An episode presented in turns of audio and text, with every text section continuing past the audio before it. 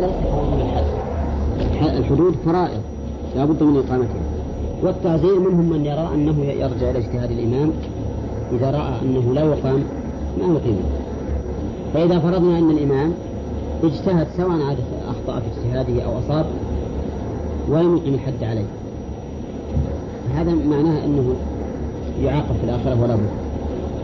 الحديث عام والآية خاصة لا الحديث عام على عمومه والآية كذلك. الآية ظاهرها أنه يجمع له بين الأمرين. والحديث يدل على أنه لا يجتمع له الأمران نعم. التوفيق هو هذا أن نقول أنه إذا فاته عذاب الدنيا يصيب بعذاب الآخرة. إذا عزل الفحشاء. إذا عزل بمحبته للفحشاء فلا فلا يعذب في الآخرة. لأن الله لا يجمع بين عقوبتين على العبد بذنب واحد.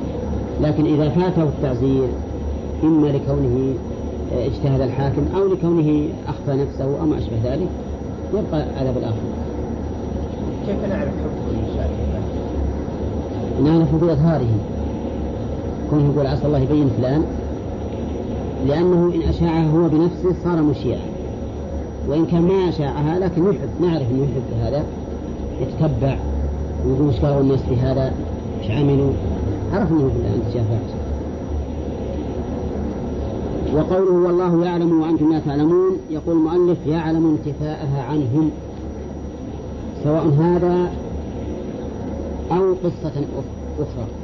يعني الصحيح العموم يعني انتفاء الفاحشة الذي أحب هؤلاء أن تشيع في المؤمنين يعلم سبحانه وتعالى أنها ليست فيهم أو أنها فيهم وأنتم لا تعلمون. هذا النفي هل هو على إطلاقه؟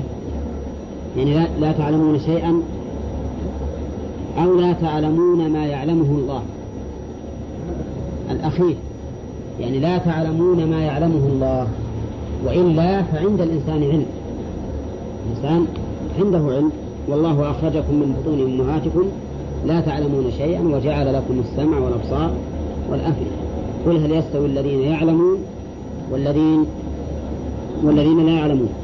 لكن لا تعلمون ما عند الله من العلم ولا تعلمون كعلم الله لأن علم الله واسع شامل تام وعلم الإنسان قاصر ناقص يعني محدود وناقص بخلاف علم الله سبحانه وتعالى.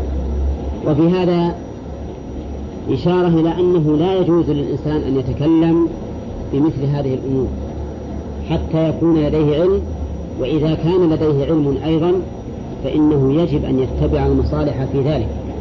لو فرضنا أني أدري أن هذا الرجل أصاب فاحشة فهل من المستحسن أن أرفعها إلى الإمام لتبين وتبرز أو من المستحسن ألا أرفعها؟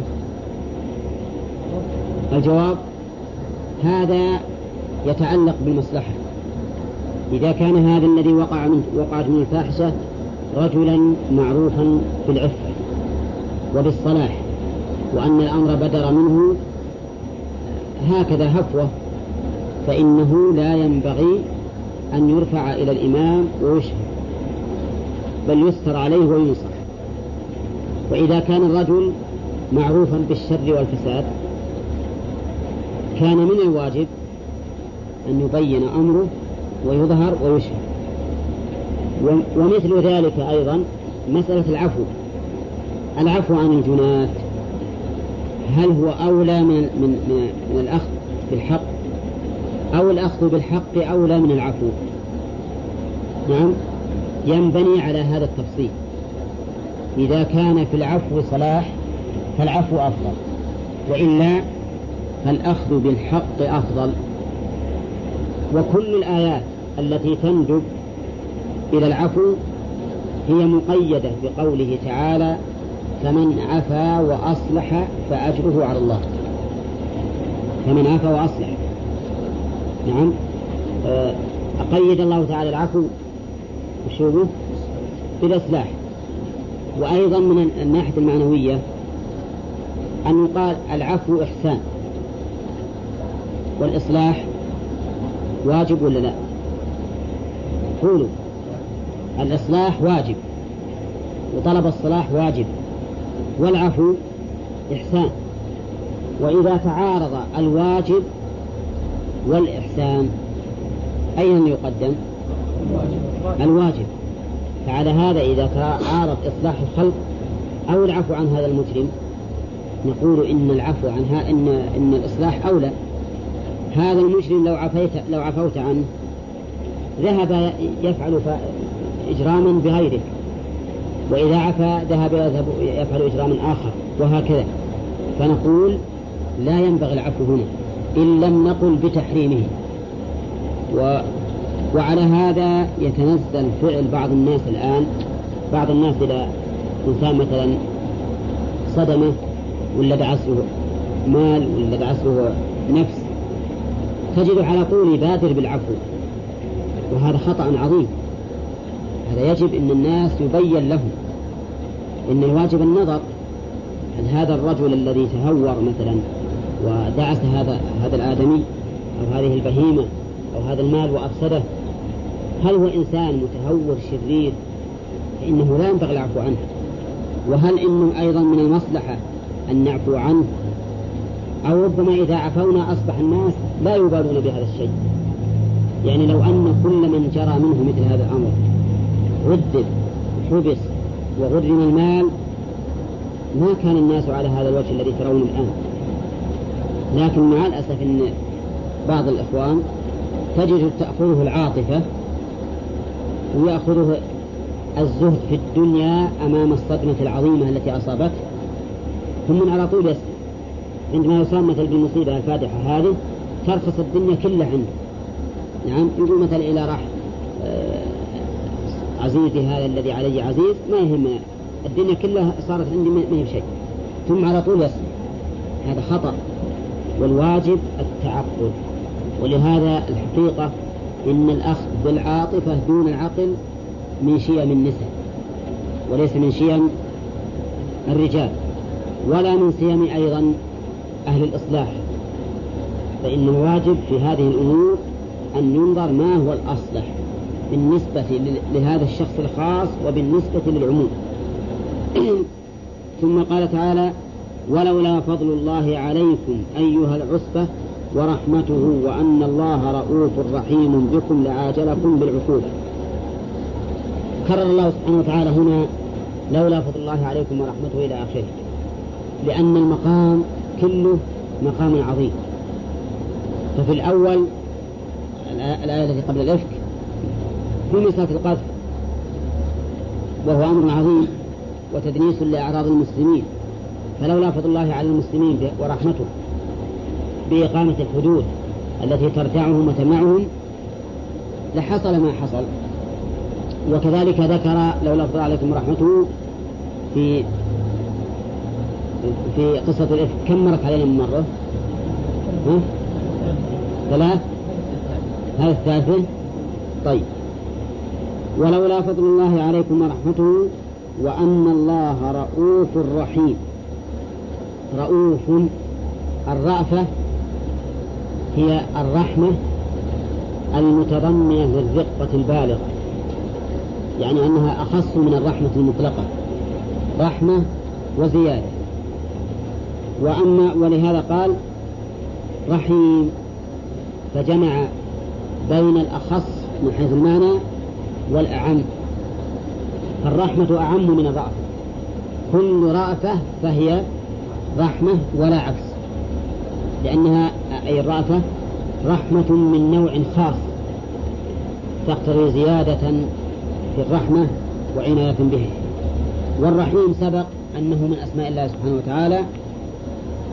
وقد قسم العلماء الرحمة إلى قسمين عامة وخاصة. فالعامة هي الشاملة لكل أحد من مؤمن وكافر وبر وفاجر وإنسان وبهيم. أولى ولهذا لو قال لك قائل هل الكافر مرحوم ولا لا؟ نقول بالمعنى العام مرحوم. لولا رحمة الله ما أكل ولا شرب ولا اكتسى ولا تزوج ولا ولد له إلى آخره. نعم. وأما الرحمة الخاصة فهي الخاصة بالمؤمنين التي تتضمن سعادة الدنيا والآخرة.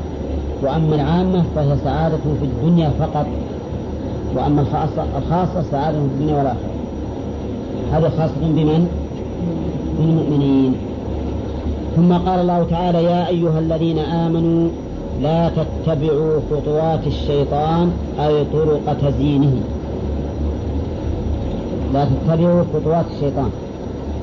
الخطوات جمع خطوة وهي عبارة عن ما بين عن المسافة التي بين القدمين في المشي. هذه الخطوة. والمراد بخطوات الشيطان طرقة.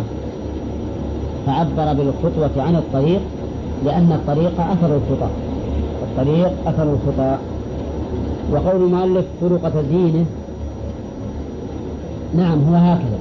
الشيطان جميع طرقه مكروهة للنفوس لكنه يزينها للإنسان حتى يدخل فيه.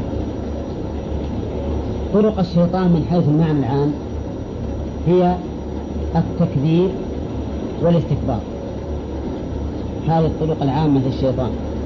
فالشيطان مكذب ومستكبر مكذب ومستكبر. مستكبر مثلا من أدلة استكباره أنه أبى أن يسجد لآدم. أبى أن يسجد لآدم. نعم. وتكذيبه أنه ادعى أنه خير من آدم. فإن هذا يقتضي أنه كذب بكون آدم خيرا منه.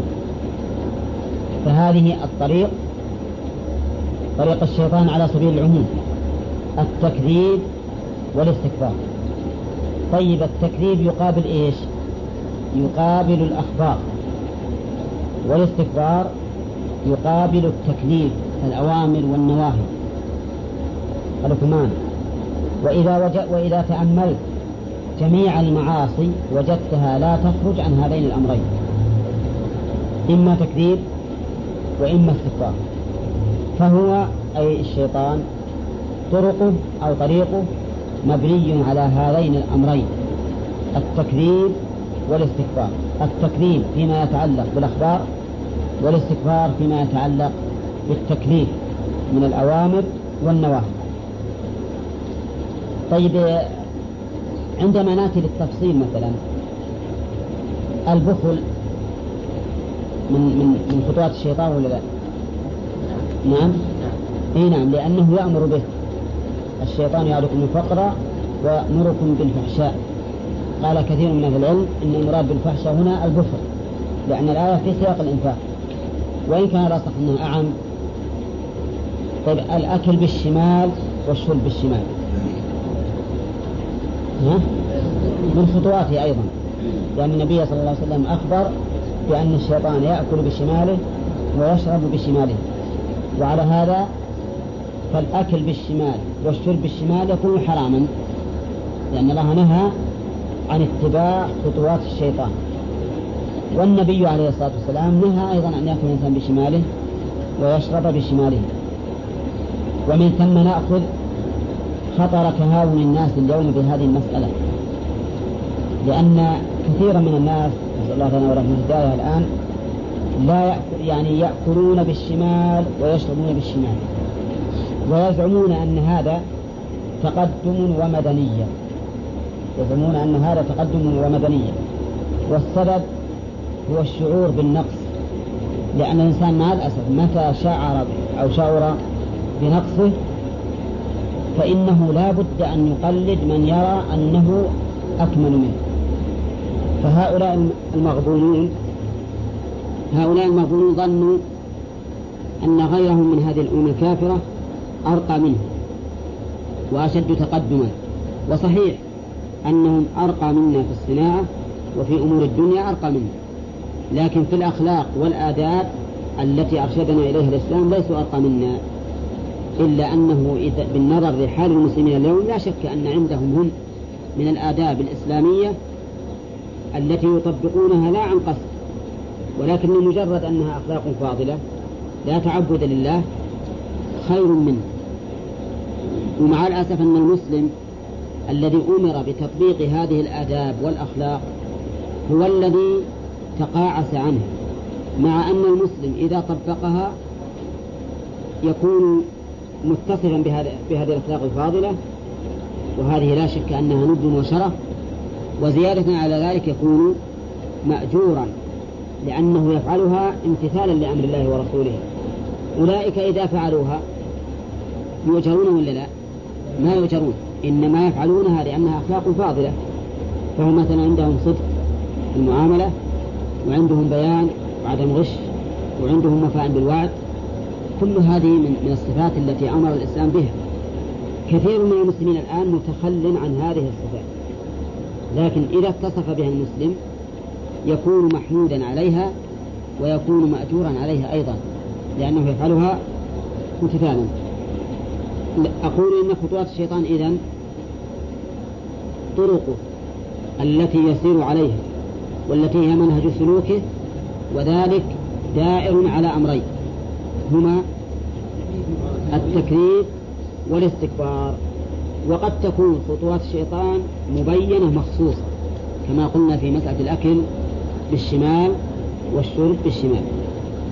قال الله تعالى ومن يتبع خطوات الشيطان فإنه أي المتبع يأمر بالفحشاء أي القبيح والمنكر شرعا باتباعهما. ومن يتبع خطوات الشيطان من؟ وش نعرفه؟ شرطية. من؟ اسم شرط. ومن الشرطية تحتاج إلى شرط وجزاء. يعني إلى فعل شرط وجواب شرط. أين فعل الشرط؟ يتبع وجواب الشرط فإنه الجملة فإنه يأمر بالفحشاء والمنكر. طيب عندنا الآن من يتبع؟ وعندنا الشيطان خطوات الشيطان. فإنه الضمير يعود على أيهما؟ ها؟ إن نظرنا إلى أصل الجملة والموضوع قلنا إنه يعود إلى من؟ لأن التحدث الآن لأن جواب الشرط يعود على ما يعود عليه فعل الشرط. جواب الشرط يعود على ما يعود إليه فعل الشرط. وإذا نظرنا إلى السياق وإلى أقرب مذكور قلنا إنه يعود إلى الشيطان. ومثل المعنى ومن يتبع خطوات الشيطان وقع في في المنكر في, الفحشاء والمنكر. ومن يتبع خطوات الشيطان وقع في الفحشاء والمنكر. ويصير الجملة فإنه دا تكون دالة على جواب الشرط وليست هي جواب الشرط. أما على ما سلك المؤلف فإنه يقتضي أن فإنه يتبع فإنه يأمر. تكون هي جواب الشرط هي بعينها جواب الشرط. واضح أظن؟ المضاف إذا قلنا الضمير عائد على من يتبع فإنه أي من يتبع أي المتبع كما قال المفسر. فالجملة هي جواب الشرط. ويرجح هذا التقدير أن الأصل أن المذكور جواب الشرط وأن الضمير يعود في في جوابه يعود على ما يعود إليه فعل الشرط. هذا الأصل. وعن معنى الرأي الثاني يقول فإنه يأمر بالفحشاء والمنكر يقول فإن الشيطان يأمر بالفحشاء والمنكر ويكون هذا دالا على الجواب. ويؤيد هذا يعني هذا الرأي أن السياق في النهي عن اتباع إيش؟ خطوات الشيطان. فكأنه يقول من يتبع خطوات الشيطان وقع في الفحشاء والمنكر لأن الشيطان يأمر بالفحشاء والمنكر. وهذا أظهر أظهر من وجهين لأن السياق يدل عليه هذا وجه ولأن المتبع لخطوات الشيطان قد لا يأمر بالفحشاء والمنكر.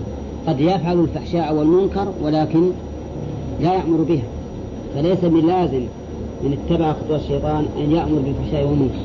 نعم من اتبع اتباعا مطلقا يعني الاتباع المطلق لازم أن يأمر بالفحشاء والمنكر لأن الشيطان يأمر بالفحشاء والمنكر. فعلى كل حال الأرجح أن الضمير في قوله فإنه يأمر. نعم. الأرجح أنه عائد إلى الشيطان لا إلى المتبع يرجحه أمران. أولا دلالة السياق عليه لأن لأن الله نهى عن اتباع خطوات الشيطان ثم ذكر ما ما يؤيد ما يؤيد هذا النهي من التحذير حيث بين أن الشيطان يأمر بالفحش والمنكر. وهذا كل عاقل إذا علم أن أن الشيطان يأمر بالفحشاء والمنكر هل يسوغ لنفسه أن يتبع خطواته؟ الجواب؟ ها؟ لا. الجواب لا. الوجه الثاني مما, مما يؤيد ذلك أن الذي يتبع خطوات الشيطان قد لا يأمر بالفحشاء والمنكر. قد يتبع ذلك بنفسه ولكن نعم لا يأمر به. وكثير من من أهل الضلال كثير من أهل الضلال تجدهم ضالين بأنفسهم لكن ما عندهم دعوة ما عندهم دعوة لما هم عليه. نعم؟ وإن كان نجد أيضا إن كثير أيضا من أهل الضلال عندهم دعوة يأمرون بالفحشاء والمنكر أي بما هم عليه. فالصحيح إذن أن الضمير في قوله فإنه يعود على الشيطان. وإذا قلنا بأنه يعود على الشيطان يبقى النظر أين جواب الشر. محمد علمنا عنه براكين إذا قلنا فإنه أي الشيطان. نعم محذوف تدل عليه هذه الجملة. وش تقريره؟ ومن يتبع خطوات الشيطان وقع في الفحشاء والمنكر. لأن الشيطان يأمر بالفحشاء والمنكر فمن اتبعه وقع فيه. والله أعلم. من الآية التي قدر الزمن.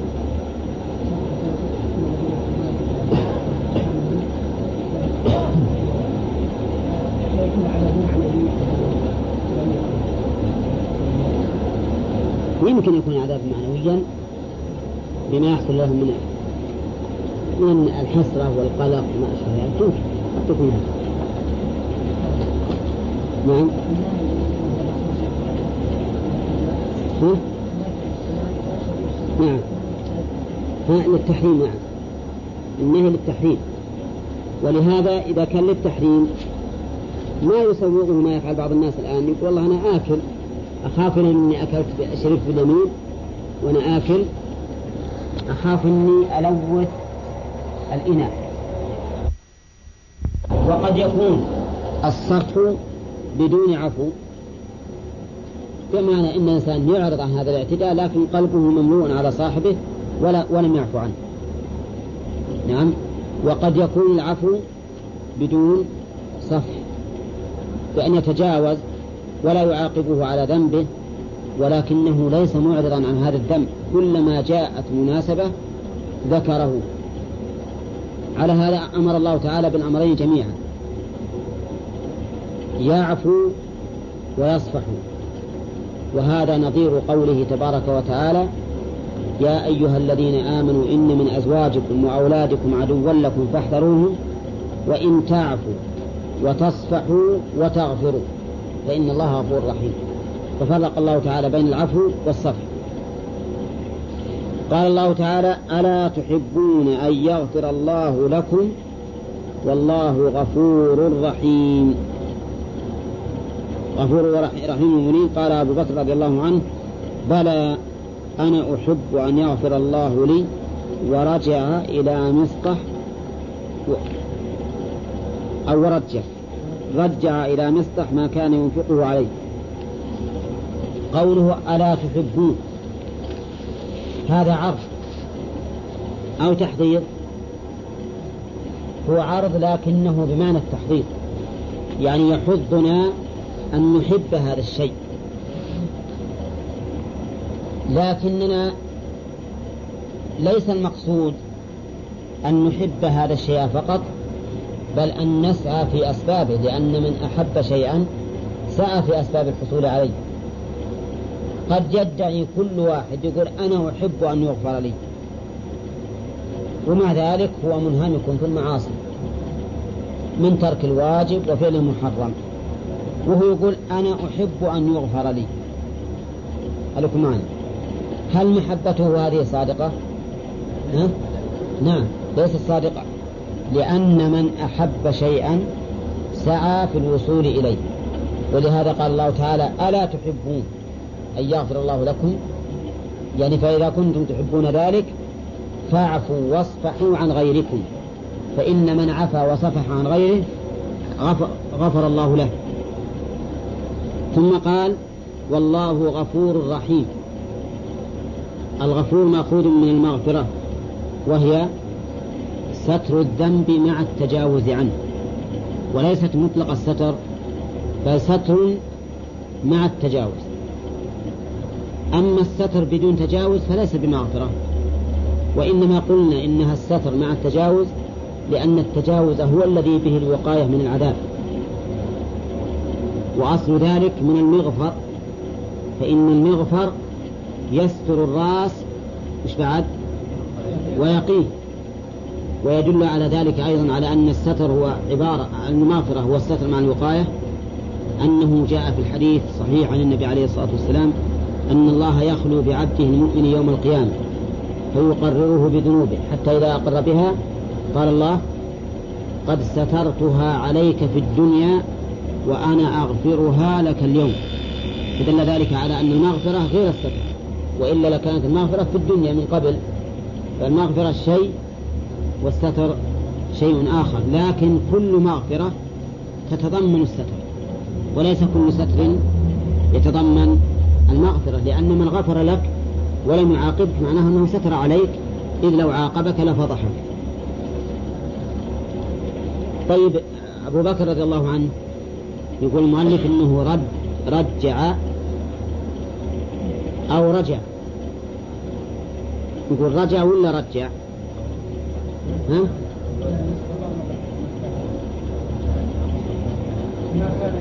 إيه نعم لكن أنا قصدي هل نشدد الجيم أو نخففه ها؟ ما يصلح التخفيف؟ قال الله تعالى فإن رجعك الله إلى طائفة منهم. إن رجعك بمعنى ردك لأن رجع في الحقيقة تستعمل متعديا ولازما. رجع فعل ماضي يستعمل متعديا ولازما. فإذا قلت رجعت من كذا فهذا لازم. وإذا قلت رجعت إلى فلان ما استعرته منه. رجعت إلى فلان ما استعرته منه صارت الآن متعدية. إذا رجع إلى نصفه ما كان ينفقه عليه. بمعنى رد. فتصلح بالتخفيف. نعم. نعم. لا مو بغير الستر بما أنه مبين له. يعني ليس مجرد الستر.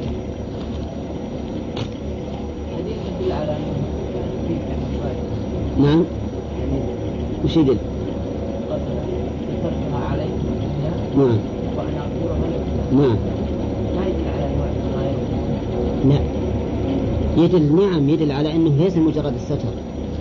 لأنه لو كان الغفر هو الستر فقط لكان هذا قد حصل في الدنيا لكنه الستر مع مع عدم العقوبة يعني الستر مع التجاوز. طيب قد الإنسان نعم. نعم. فيغفره الله لكن ما يسهر يعلم الناس جميعا أنه فعل في هذه الحال إذا فضح ثم غفر له صار سترا لأننا لأنه إذا اتضح عند معاصريه وعند من حوله ولم يغفر له معناه أنه افتضح عند جميع الناس ولا لا؟ فإذا افتضح عند قومه ثم غفر له فمعناه أنه ستر عن أكثر الناس لأن أكثر الناس غير المعاصرين له. هنا. نعم. ها؟ نعم. العفو بمعنى التجاوز. يعني إن الله عفى عنه بمعنى تجاوز عنه.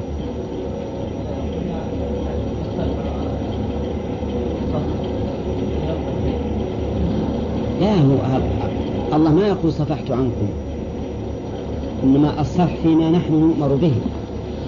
وأما الله فلا فلا أذكر الآن إن الله يقول صفح عنهم بل يقول عفى عنهم ولا يقول صفح. فالصفح هو العفو إذا اجتمع في حق المخلوق. فإنه يفسر العفو بكذا بعدم المؤاخذة على الذنب والصفح بالإعراض عنه كلية وكأنه لم يجري. فيكون تكميلا للعفو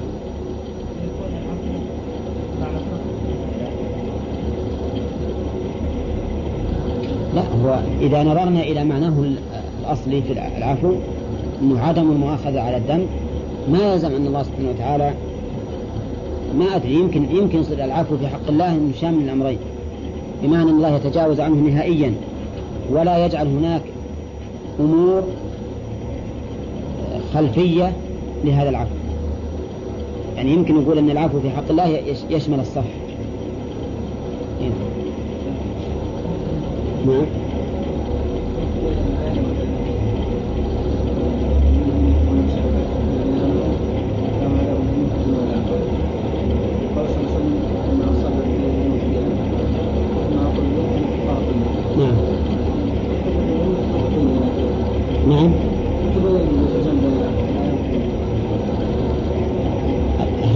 ذكرنا أن هذا في الحدود الشرعية الحدود الشرعية لكن هذه في غير الحدود الشرعية لأن محبة إشاعة الفاحشة أو شيوع الفاحشة ليس هو القذف الموجب للحد.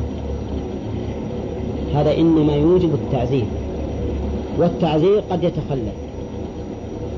قد يتخلف. نعم. فيصير هؤلاء مستحقون للعذاب في الآخرة وهو التعزير لكن قد لا يعذرون يتخلف لسبب من الأسباب. وأما عذابهم في الآخرة فباق يعني لو تخلف عذاب الدنيا ما ما, ما تخلف عذاب الآخرة. على أن بعض الأخوان أمس قال ربما أن المراد بالعذاب ما هو أعم من الجلد. وشبهه يكون عذاب أن الله تعالى يجعل في قلبه ألما وحزنا وقلقا وما أشبه ذلك.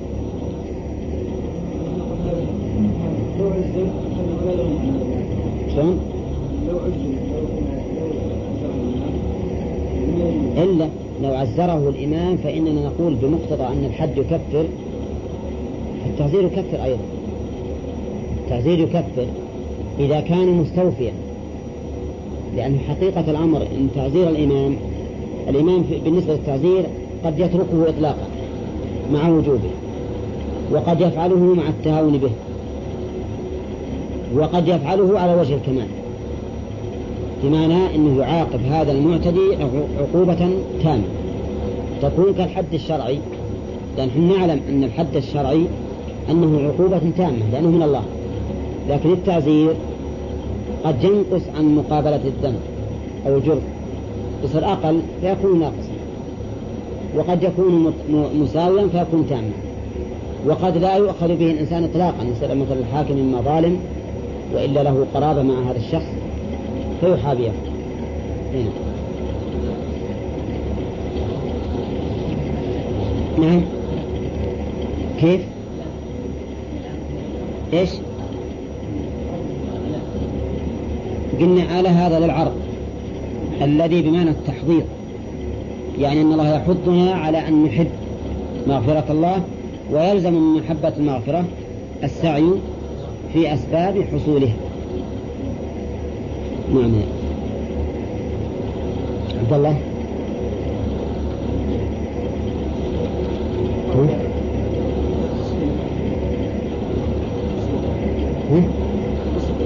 نعم.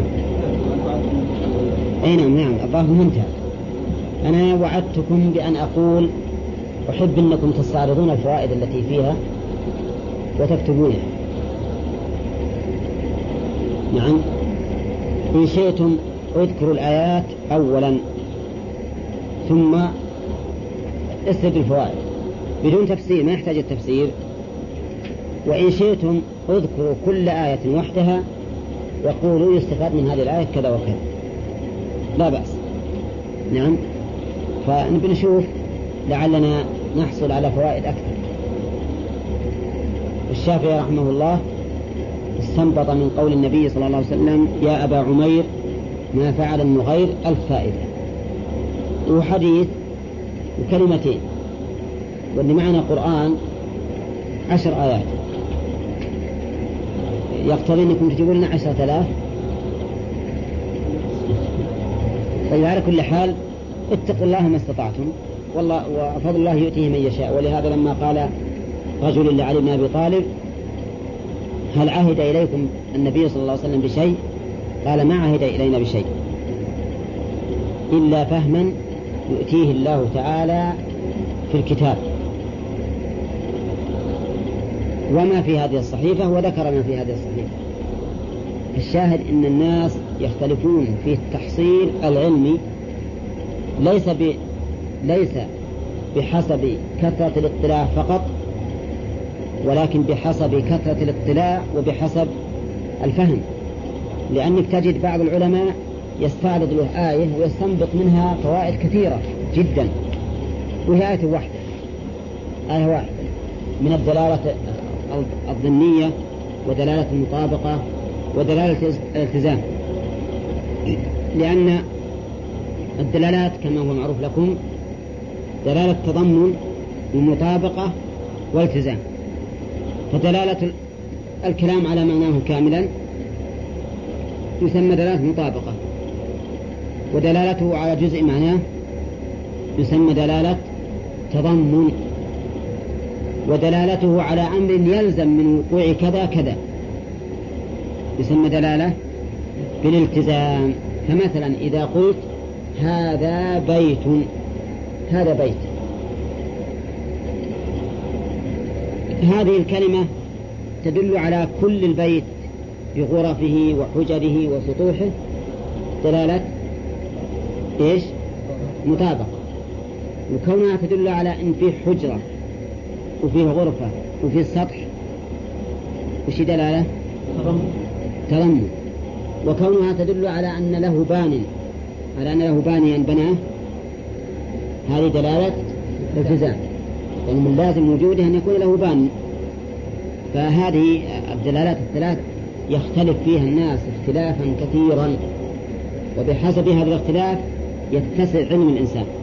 ولذلك ينبغي أن الطالب يمرن نفسه على كثرة الاستنباط من النصوص لأنه كم من نص واحد تأخذ من صفحة من الفوائد والمسائل.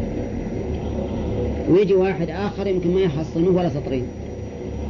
فلذلك ينبغي لطالب العلم كما أنه يمرن نفسه على كثرة المطالعة وقراءة الكتب ينبغي أيضا أن يمرن نفسه على الاستنباط الاستنباط منين؟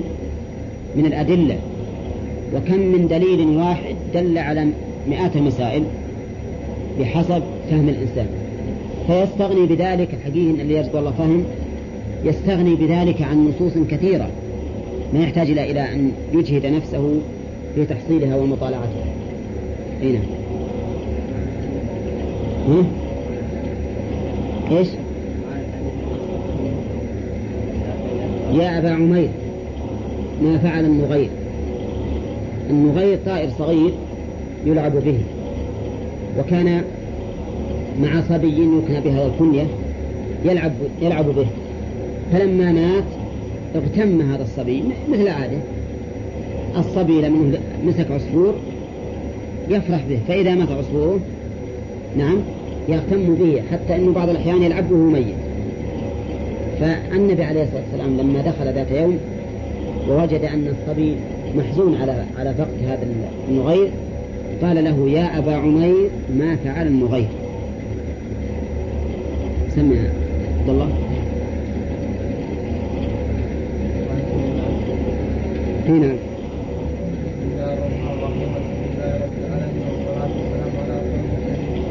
قال رحمه الله وعن سليمان بن يسار بن يسار عن ابي هريره انه قال ما رايت رجلا اشبه صلاه برسول الله صلى الله عليه وسلم من فلان لامام كان بالمدينة قال سليمان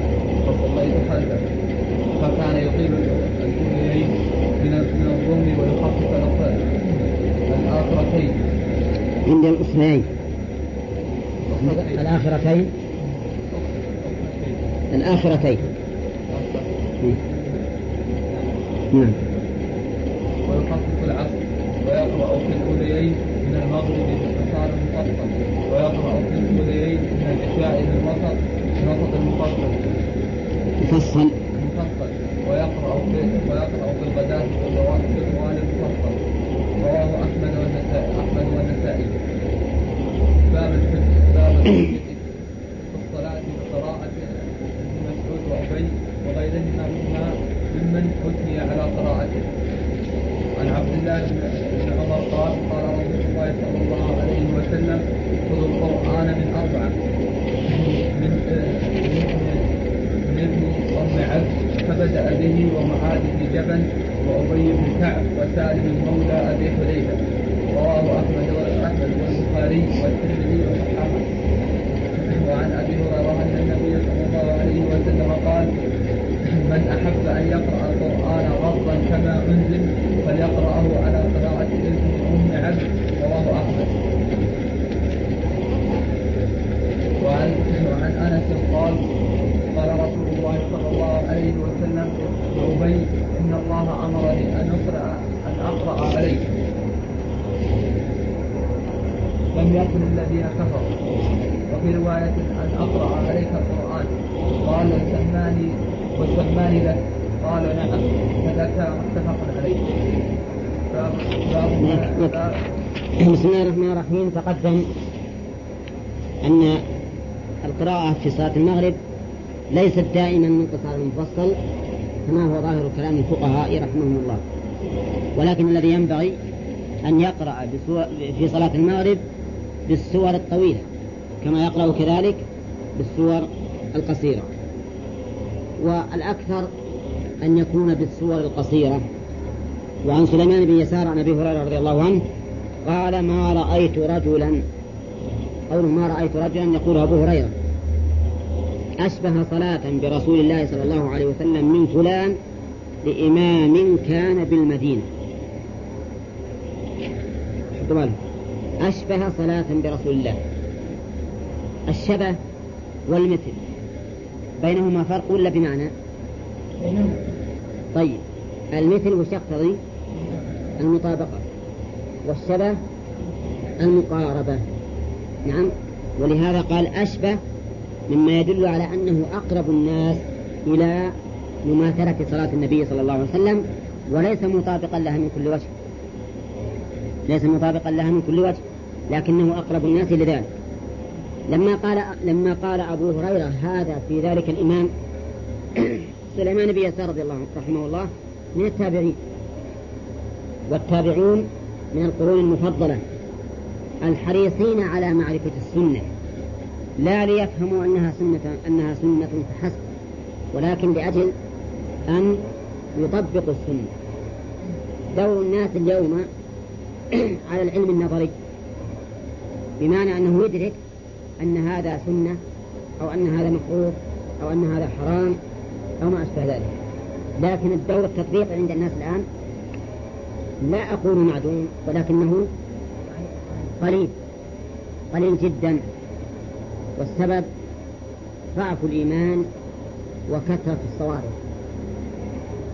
يعني معناه أن الموجبات ضعيفة والصوارف كثيرة وقوية. الصحابة لا إذا قرأوا القرآن لا يتجاوزون عشر آيات حتى يتعلموها وما فيها من العلم والعمل. خلاص ما في إلا تطبيق. بينما نقرأ نحن مئات الآيات.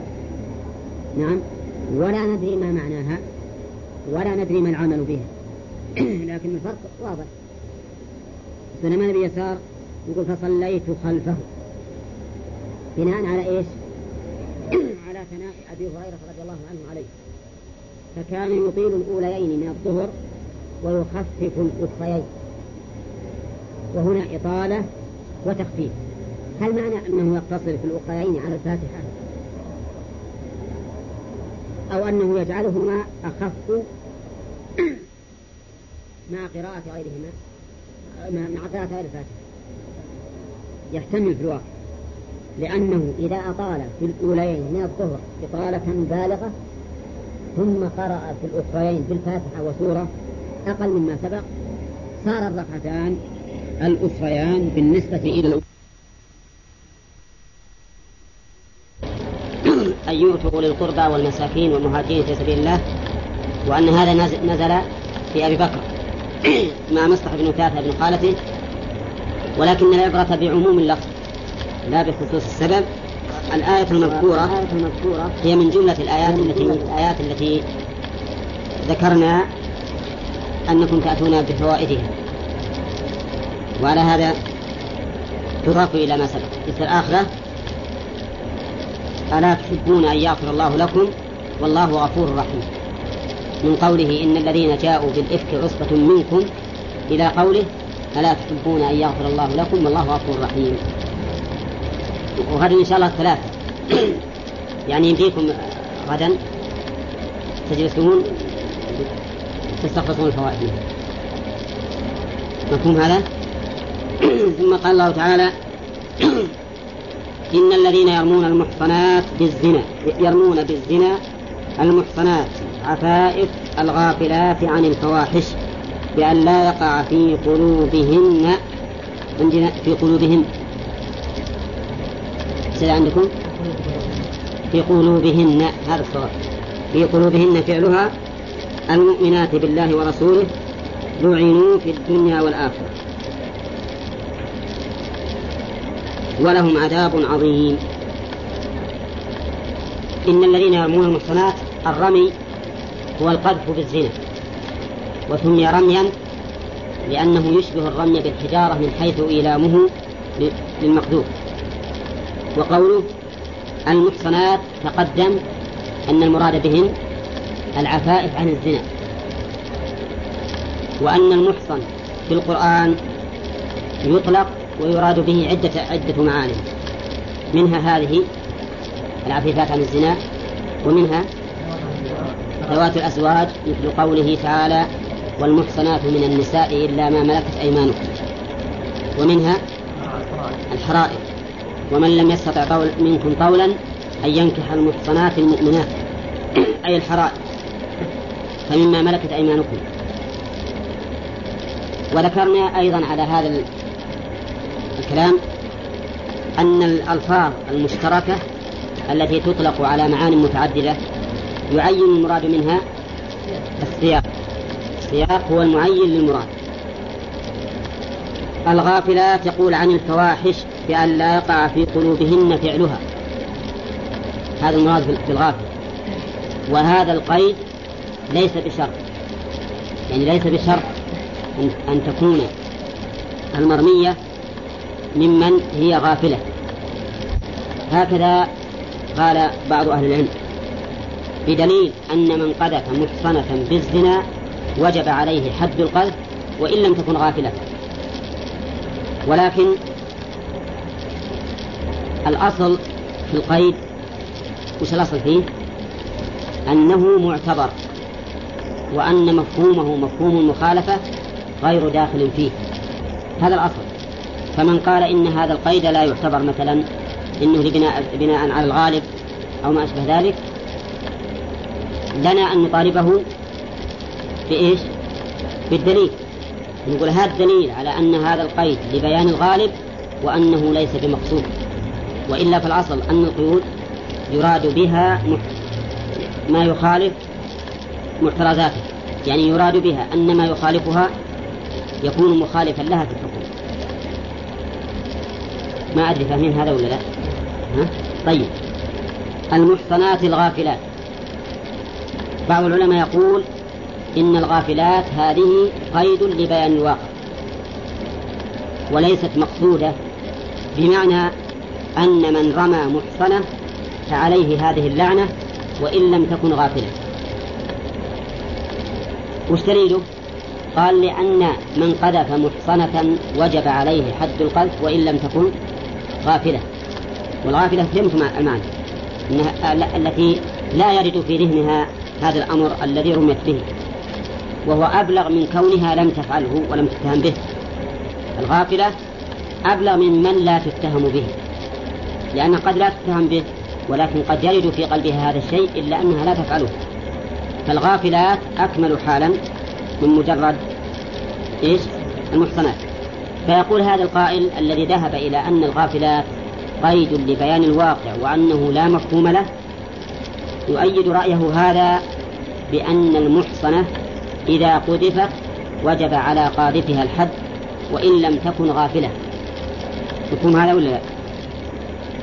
نقول له ردا على كلامه وتقريره ادعاؤك أن الغافلات قيد أغلبي وأنه لا مفهوم له واستدلالك على ذلك بأن رمي المحصنة بالقذف يوجب الحد وإن لم تكن غافلة هذا غير مسلم غير مسلم به لماذا؟ لأن الأصل في القيد الاعتبار وأنه يخرج مفهوم وأنه يخرج ما عداه بمفهوم المخالفة. هذا الأصل. أن القيود التي ترد في القرآن أو في السنة الأصل فيها أنها ها؟ أنها قيود تخرج محترزاتها تخرج محترزاتها من هذا الحكم. فمثلا عندما نقول إن الغافلات قيد أغلبي لا يخرج محترزة هذا خلاف الأصل. وعلى مدعيه وش عليه؟ الدليل. ها؟ إيش؟ على على مدعيه الدليل. هو استدل على ذلك بأن قذف المحصنة يوجب الحد وإن لم تكن غافلة. هذا صحيح ولا لا؟ هذا صحيح. المرأة المحصنة التي لا تتهم بالزنا إذا قذفها القاذف وجب عليه الحد وإن لم تكن غافلة. لأننا نرد هذا الاستدلال أو هذا التأييد الذي أيد به قوله بأن الحكم مختلف فهناك حد القذف وهنا اللعنة. لعنوا في الدنيا والآخرة. ويصير من قذف محصنة استحق حد القذف استحق حد القذف لكن اللعنة إنما تكون على من؟ على من قذف محصنة غافلة. على من قذف محصنة غافلة.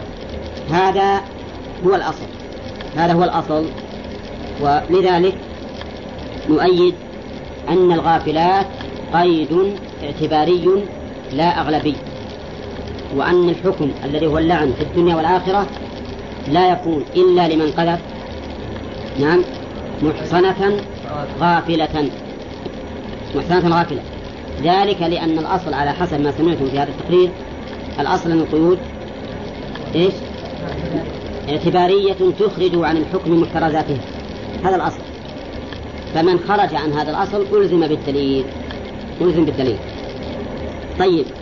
أما من قال إن المراد بهذه الآية عائشة رضي الله عنها مثلا إن المراد عائشة وأنها غافلة عن هذا الأمر. فهذا صحيح. عائشة غافلة. لكننا أيضا نرد قوله. بماذا؟ بأن الآية عامة. الآية عامة. فهذا أيضا مثل الأول. حمل العام على الخصوص يحتاج إلى دليل. فمن ادعاه فعليه الدليل وإلا وجب الأخذ بالعموم. طيب يقول الله تعالى لعنوا في الدنيا والآخرة. طيب المؤمنات بالله ورسوله. المؤمنات. إذا قال قائل لماذا قدم الله الوصف بالإحصان على الإيمان. أن الإيمان أعظم وهو الأصل.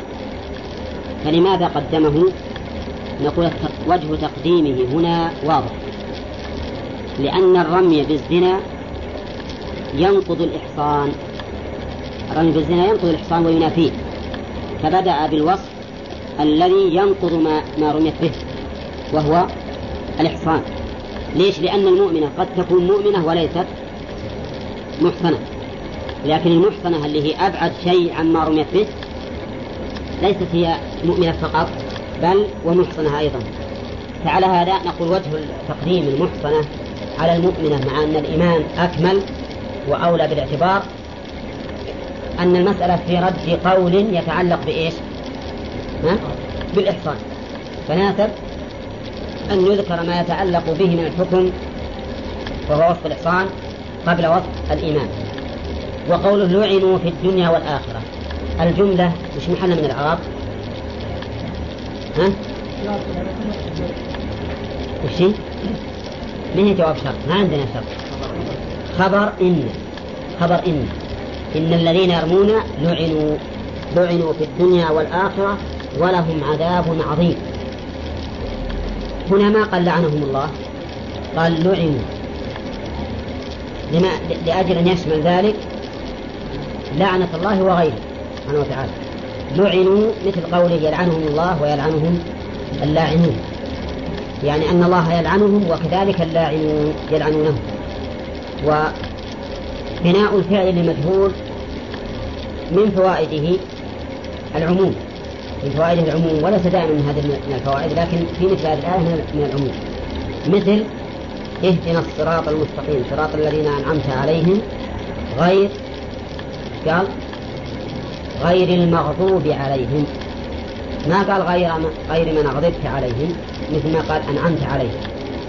ليش؟ لأن النعمة من الله والغضب من الله ومن غيره. كل من استكبر عن الحق فإنه مغضوب عليه لا من قبل الله فحسب ولكن من قبل الله وغيره. هذا أيضا اللعنة هنا من قبل الله وغيره ولذلك بنيت للمجهول. لعنوا في الدنيا والآخرة ولهم عذاب عظيم. اللعنة الطرد والإبعاد عن رحمة الله هذا بالنسبة للعنة الله. فهم والعياذ بالله مطرودون عن رحمة الله سبحانه وتعالى في الدنيا والآخرة. وبالنسبة لغير الله يلعنون في الدنيا بحيث يسبون ويقدح فيهم ويبعد عن الاختلاط بهم. تجد الناس يبتعدون عنهم. وش السبب؟ لأنهم ممقوتون محذورون. كل يحذر منهم ويخاف أن يتهموه بما اتهموا به فلان وفلان. طيب هذه الآية المحصنات الغافلات. هل المحصنين الغافلين مثلهن؟ نعم. نعم. بالإجماع.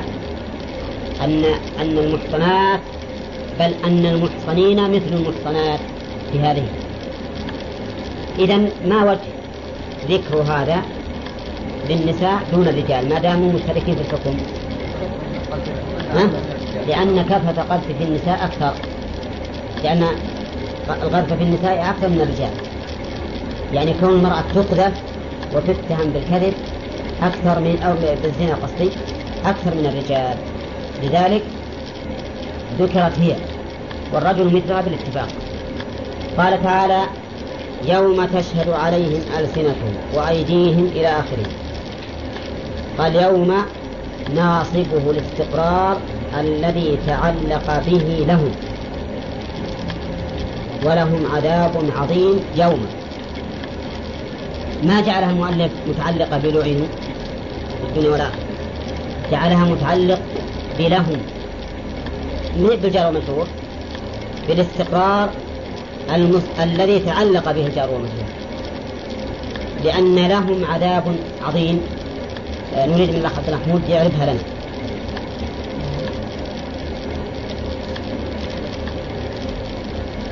ينبغي لا تعرف عظيم. تعرف لهم عذاب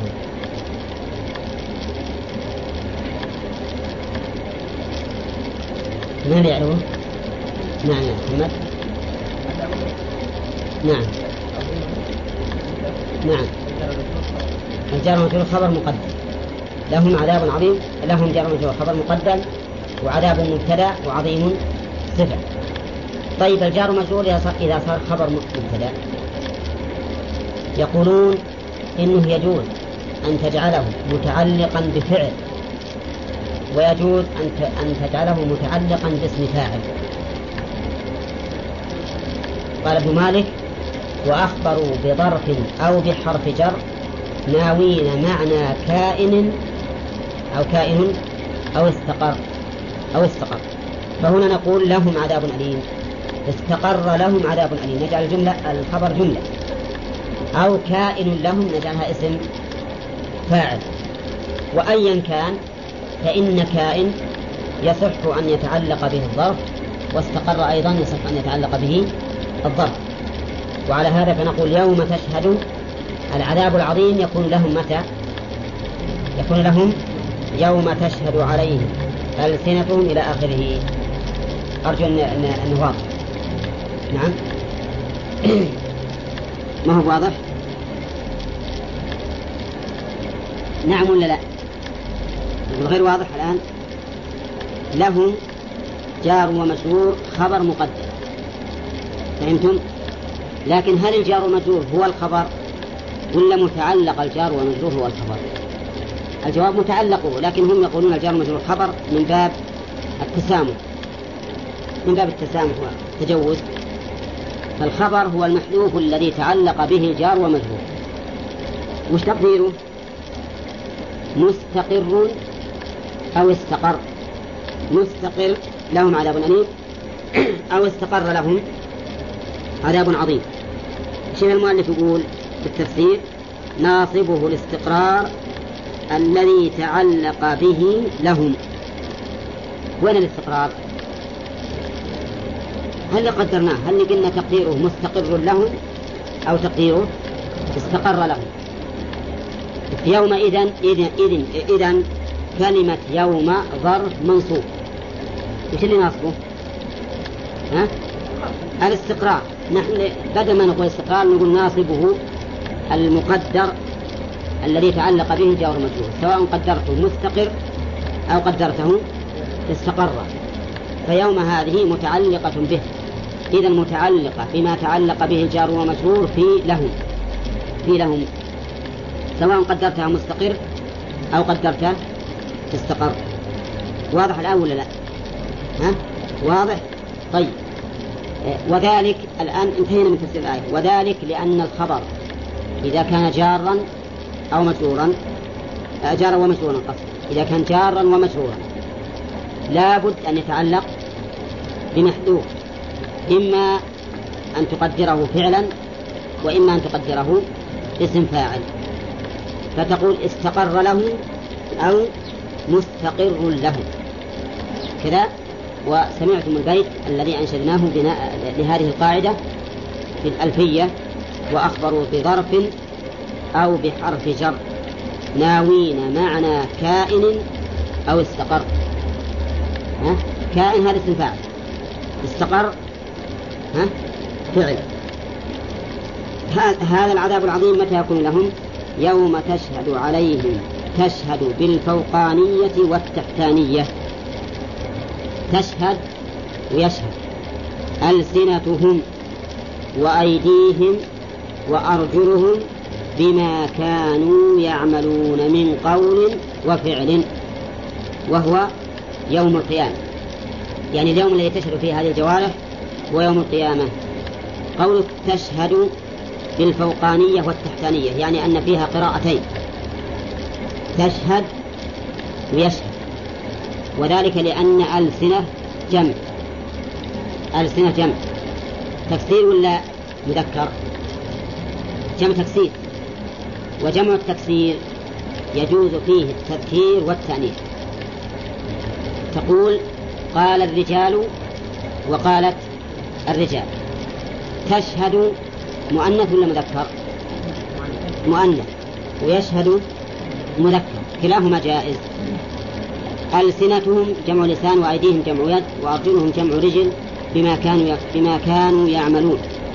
قال المؤلف من قول وفعل. استفدنا من كلام المؤلف رحمه الله فائدة عظيمة وهو أن العمل يشمل القول والفعل. بخلاف الفعل ولهذا نجعل القول وش قسيمه؟ ها؟ تقول قول قسيمه أن يكون مقابل له. فعل. ما تقول قول وعمل إذا أردت أن تحرر تماما تقول قول وفعل. ويجوز قول وعمل لكن على سبيل التجوز إذا فهمنا أن العمل يطلق على القول وعلى الفعل. بل قال أهل السنة والجماعة في بحثهم في الإيمان إن العمل يشمل عمل اللسان وهو القول. وعمل الجوارح وهو الفعل. وعمل القلب أيضا. عمل القلب اللي مثل خوفه ورجاؤه ومحبته وما أشبه ذلك. يعني حركة القلب حركة القلبية. فصار إذن العمل إذا قيل عمل يشمل القول والفعل. وإذا أردت أن تقسم تقول قول وفعل قول وفعل. إذا سمعت أو جاءك عبارة فيها قول وعمل فاعلم أن هذا من باب التجوز. من باب التجوز تجوز بالعمل عن الفعل. وإلا فالأصل أن الفعل قسيم القول لا أن العمل قسيم القول. فرق إي نعم في فرق عظيم. إذا قلت عمل يشمل القول والفعل وإذا قلت فعل يختص بالفعل اللي هو عمل الجوارح والقول عمل اللسان. فالعمل يشمل قول اللسان وعمل. وفعل الجوارح لكن الفعل يختص بفعل الجوارح فقط. لا إذا قيل قول وعمل من باب التقسيم. من باب التقسيم لكنه تجوز بإطلاق العمل على أحد معنييه وهو الفعل. هم هم عام على خاص لأنهم يريدون التقسيم. طيب أقول آه، يوم تشهد عليهم ألسنتهم وأيديهم وأرجلهم اللسان يشهد على الإنسان. كيف يشهد؟ يقول لهذا القاذف للمحصنة الغافلة المؤمنة يقول إنك قذفتها لسانه نفسه يقول إنك قذفتها مع أن الفعل من هو فعله بالدنيا؟ ها؟ العمل عمل اللسان. العمل عمل اللسان ومع ذلك يشهد اللسان على صاحبه بهذا بهذا القول الذي هو القلب. أيديهم أيضا تشهد عليهم. أرجلهم تشهد عليهم. وقد ذكر الله سبحانه وتعالى أن هذه الأعضاء تشهد على الإنسان يوم القيامة. وكذلك ذكر أن الجلود تشهد أيضا وأنه يحصل محاورة بين الإنسان وبين جنه وقالوا لجلودهم لما شهدتم علينا؟ قالوا أنطقنا الله الذي أنطق كل شيء وهو خلقكم أول مرة. وفي هذه الآية إثبات البعث. وإثبات الجزاء. وأن الجزاء من جنس العمل. وش الدليل؟ قوله بما كانوا يعملون. تشهد بما كانوا يعملون. لا بزيادة ولا بنقص. وفيه أيضا تمام قدرة الله عز وجل. حيث أن هذه الأعضاء تنطق. الأعضاء تنطق. مع أن النطق في العادة نعم باللسان. لكن يكون النطق في كل شيء إذا أراد الله سبحانه وتعالى. ولهذا تقول الجلود أنطقنا الله الذي أنطق كل شيء. وفي هذا دليل على عظم القذف للمحصنات الغافلات المؤمنات. وقد ثبت عن النبي صلى الله عليه وسلم أنه من الكبائر أنه من الكبائر. فقال اجتنبوا السبع الموبقات وذكر منهن قذف المحصنات الغافلات المؤمنات. وفي هذا دليل على غيرة الله عز وجل. على تمام غيرة الله وأنه جل وعلا غيور. وقد جاء في الحديث الصحيح ما من أحد أغير من الله أن يزني عبده أو تزني أمته. وكذلك قصة سعد بن عبادة لما نزلت قوله تعالى والذين يرمون المحصنات ثم لم يأتوا بأربعة شهداء فإذا لم يأتوا بالشهداء فأولئك عند الله هم الكاذبون. كأن سعد رضي الله عنه استشكل كيف أن الرجل يجد على زوجته رجلا ثم يذهب يطلب أربع شهود؟ لا يأتيه إلا وقد فرغ نعم وقال رضي الله عنه للنبي عليه الصلاة والسلام والله لأضربنه بالسيف غير مصفح. يعني أضربه بالسيف بحده حتى أقتله. نعم فقال النبي صلى الله عليه وسلم ألا تعجبون من غيرة سعد والله إني لأغير منه والله أغير مني. نعم. ويدلك على هذا شوف كيف أوجب الله لهؤلاء القاذفين أوجب لهم أن يلعنوا في الدنيا والآخرة وأن لهم عذابا عظيما. ولهذا جاء الشرع بما أراده سعد بن عبادة رضي الله عنه. فإن الإنسان لو وجد والعياذ بالله إنسانا على امرأته فله قتله له أن يقتله. سواء كان هذا الفاعل محصنا أم غير محصن. ولا يحتاج أيضا إلى مدافع. ما يحتاج أنه يقول إذا عجز عن عن انكفافه فله قتله. بل له قتله مباشرة. لأن هذا ليس من باب دفع الصائل ولكنه من باب الغيرة على محارمه. ولهذا وقعت القصة في عهد عمر رضي الله عنه واختصموا إليه وأقروا بأن هذا المقتول يعني ما أنكروا ادعاء الزوج بأنه وجده على امرأته لأنه قال يا أمير المؤمنين أنا ما ضربت إلا فخذي امرأتي. فإن كان بينهما أحد فقد قتلته. فأخذ السيف رضي الله عنه عمر وقال له إن عادوا فعد. إن عادوا فعد. ولم ينكر عليه هذا الفعل لأن هذا الإنسان ما يتحمل أنه يجد إنسان ينتهك محارمه إلى هذا الحد حتى يقتله. فعلى كل حال في هذه الآية قلت إثبات غيرة الله عز وجل ووجه هذا أنه سبحانه وتعالى حمى أعراض عباده المؤمنين المحصنين الغافلين بهذه العقوبة العظيمة وهي اللعن في الدنيا والآخرة. طيب هل يستفاد من الآية جواز لعن القاذف للمحصنة الغافلة المؤمنة؟ لقوله لعنوا في الدنيا. أو إن هذا بيان لواقع الأمر أن الناس يلعنونهم ويكرهونهم ويبعدونهم عن مجالسهم وعن مخالطتهم. ما رأيكم؟ ها؟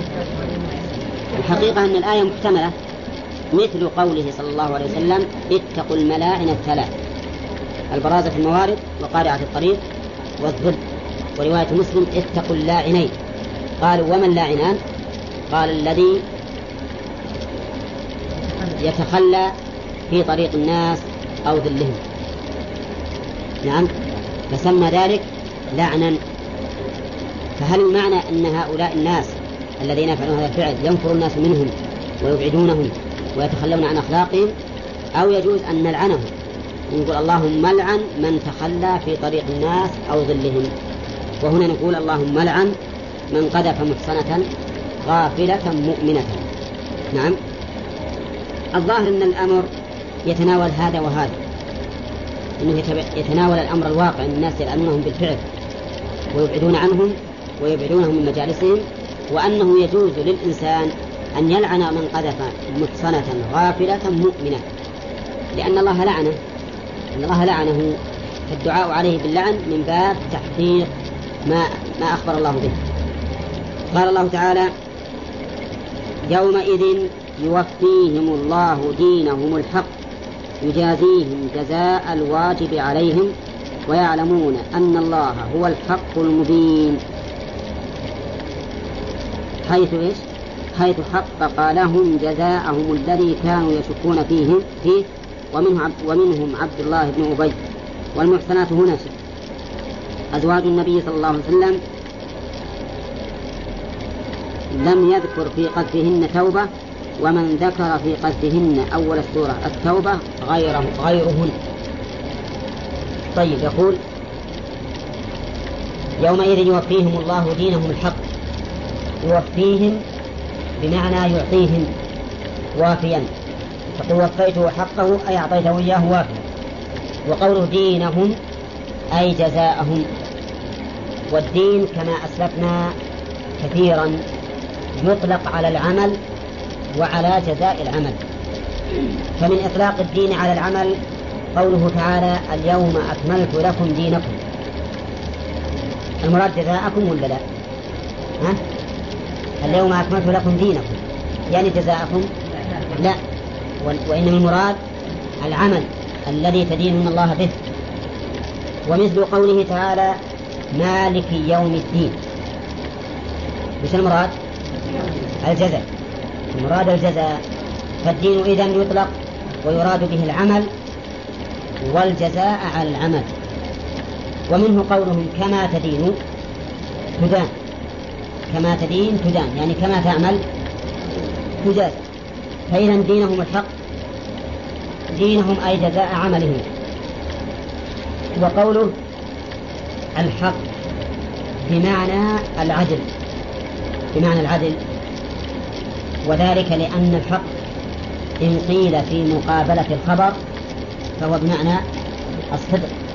وإن قيل في في مقابلة الحكم سواء كان الحكم تشريعيا أم جزائيا فمعناه العدل.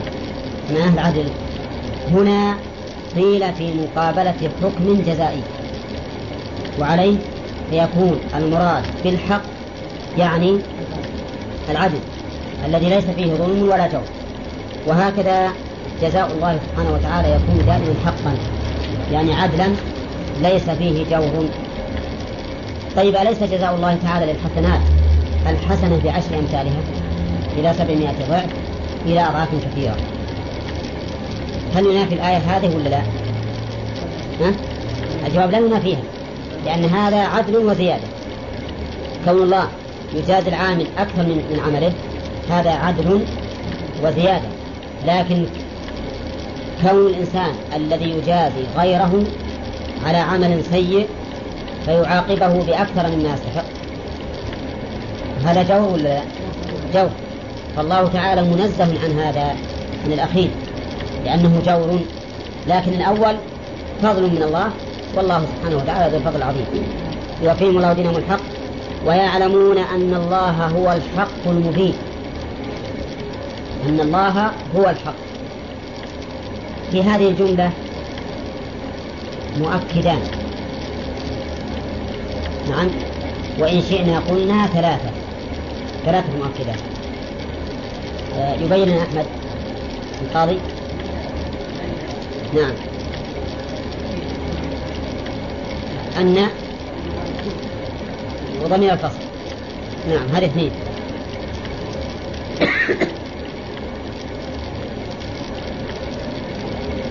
نعم شلون؟ لا لا الجملة نفسها من يعرف؟ المؤكد الثالث ها؟ وين لا؟ فيها لام هل هذه للتعريف ها؟ لا اي نعم. لا ما هي اسمية لو تجينا يا الجملة مكونة من مبتدأ وخبر كلاهما معرفة. كلاهما معرفة. وكون الخبر المبتدأ والخبر معرفة هذا يفيد التوكيد والحصر أيضا. يفيد التوكيد والحصر. إذا فالله تعالى هو الحق. مؤكد بهذه المؤكدات الثلاث. وش معنى كون الله حقا؟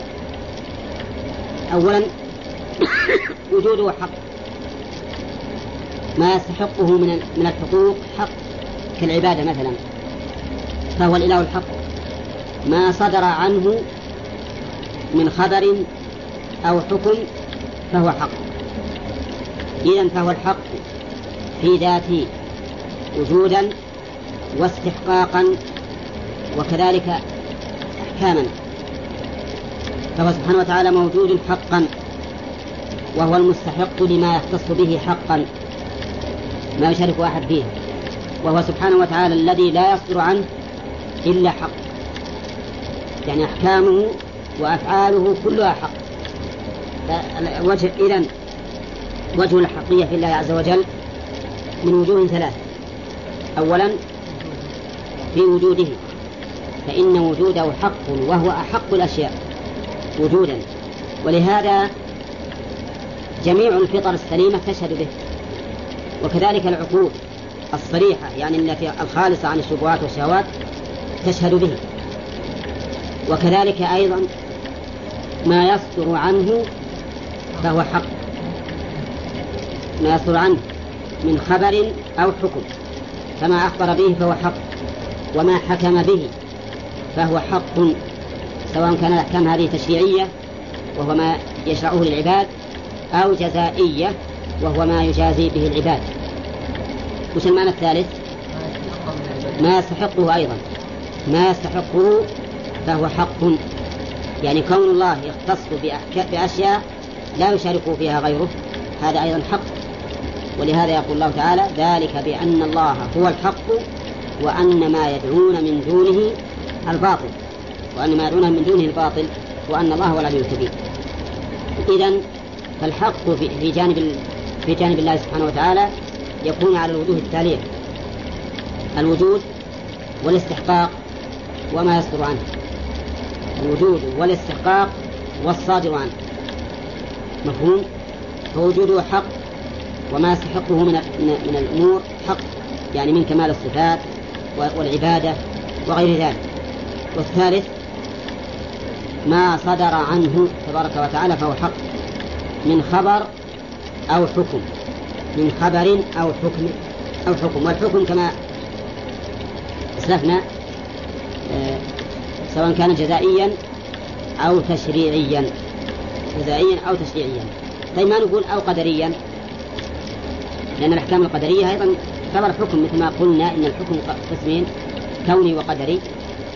وفي الحقيقة أن أنه نعم لا بد أن يراد أن إنما يصدر عنه من أحكام جزئية أو كونية جزائية أو كونية أو تشريعية فهي حق. طيب. نعم. القدرية الكونية نعم. أن الله هو الحق وقوله المبين. المبين من أبان يعني من الفعل الرباع الرباعي. وأبان بمعنى أظهر ولا بمعنى ظهر؟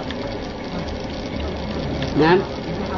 تصلح أبان الفعل الرباعي هذا قالوا إنه يستعمل متعديا ولازما. يستعمل لازما بمعنى بان. ومتعديا بمعنى نعم بمعنى بان أي ظهر. طيب هنا المبين هل المعنى البين الأحقية؟ أو المعنى الذي أبان لخلقه أنه حق. ها؟ أو كلاهما. صحيح كلاهما. الواقع أن الله تعالى بين الحقية وقد أبان لعباده كونه حقا. طيب قوله تعالى إن هو إلا ذكر وقرآن مبين. وش معنى مبين؟ بين ولا مبين بمعنى مظهر؟ ها؟ القرآن بين ولا مبين؟ ها؟ أو بين مبين. بين مبين في الحقيقة لكن المبين هنا أظهر. لقوله لينذر من كان حيا ويحق القول على الكافرين. طيب إن أنتم آه، في قوله تعالى لفي ضلال مبين وإن كانوا من قبل لفي ضلال مبين. وش معنى مبين؟ بين. هذه بمعنى بين. والحاصل أن كلمة مبين تستعمل من المتعدي واللازم. نعم؟ لأن هي أصلا فعلها رباعي أبان. يستعمل لازما ومتعديا. فإن كان لازما فهي بمعنى بين. ومنه قوله تعالى وإن كانوا من قبل لفي ضلال ها؟ لفي ضلال مبين. وإن كانت من المتعدي فهي بمعنى مظهر مظهر للشيء مبينه أبنت بمعنى أظهرته حتى بان ومنه قوله تعالى إن هو إلا ذكر وقرآن مبين. أي مظهر لقوله لينذر من كان حيا. وكذلك أيضا بلسان عربي مبين بمعنى مظهر.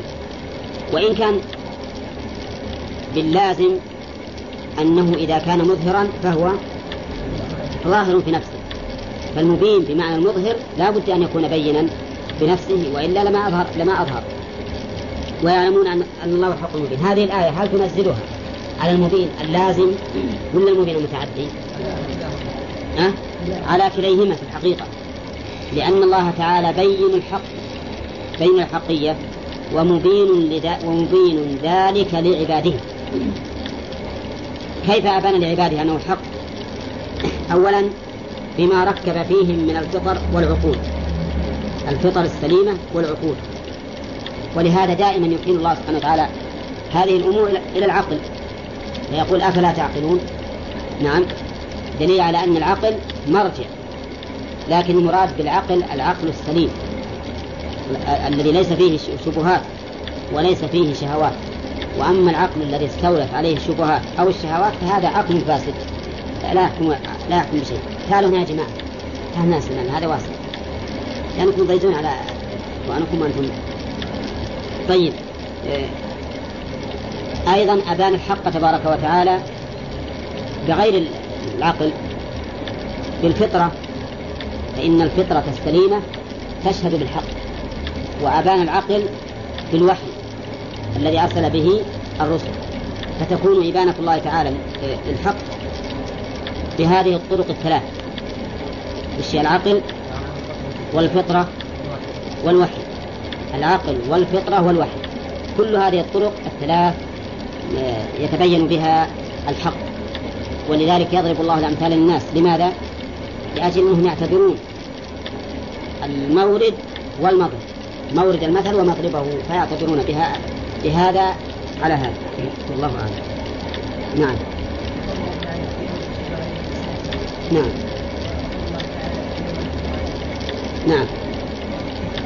اقرأ اللي بعد. اقرأ الآية اللي انت جبتها. نعم. وسترجمهم بما كانوا يكسبون. المراد المراد بالختم على الأفواة بحيث لا ينكرون. بحيث لا ينكرون.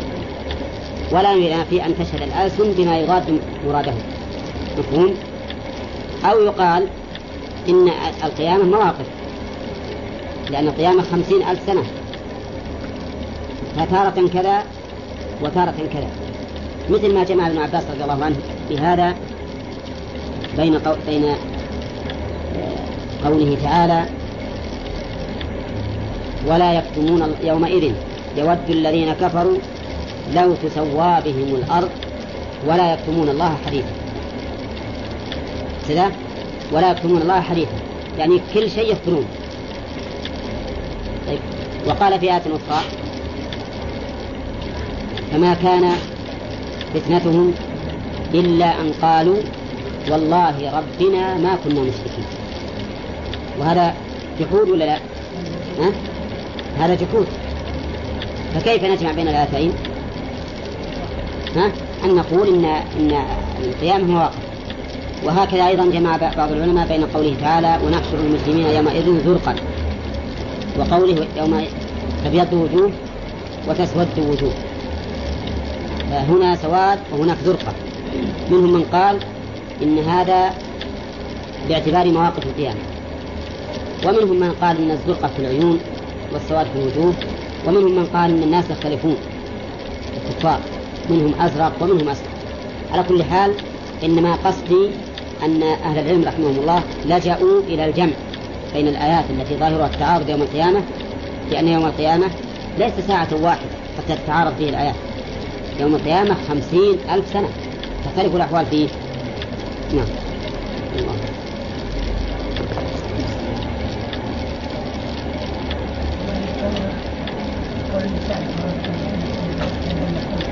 نعم. نعم.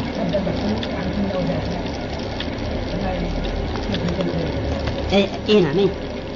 هذا هذا المراد. يعني إنه يدافع عنهن ولكن يشهد بخلاف. يشهد بخلاف. يصير اللسان لسانين لسان شاهد موافق للجوارح وهو المقصود بهذه الآية. ولسان آخر منكر وهو الموافق لمراد صاحبه. أي نعم.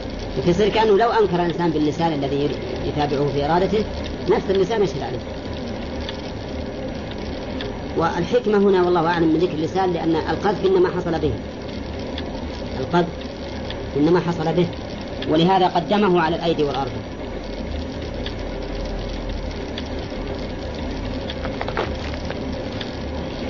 تاخذ محمد براك هذا ما أخذ. من؟ وأنا جنبك يا جماعة. المصطلح عندك؟ نعم. والأخ عنده عندك؟ المصطلح ها؟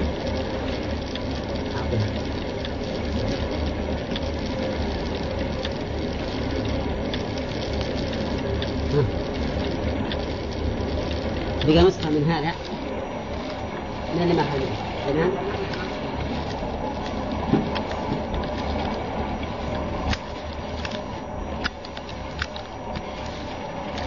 ابو علي ما عندك المصطلح يعني.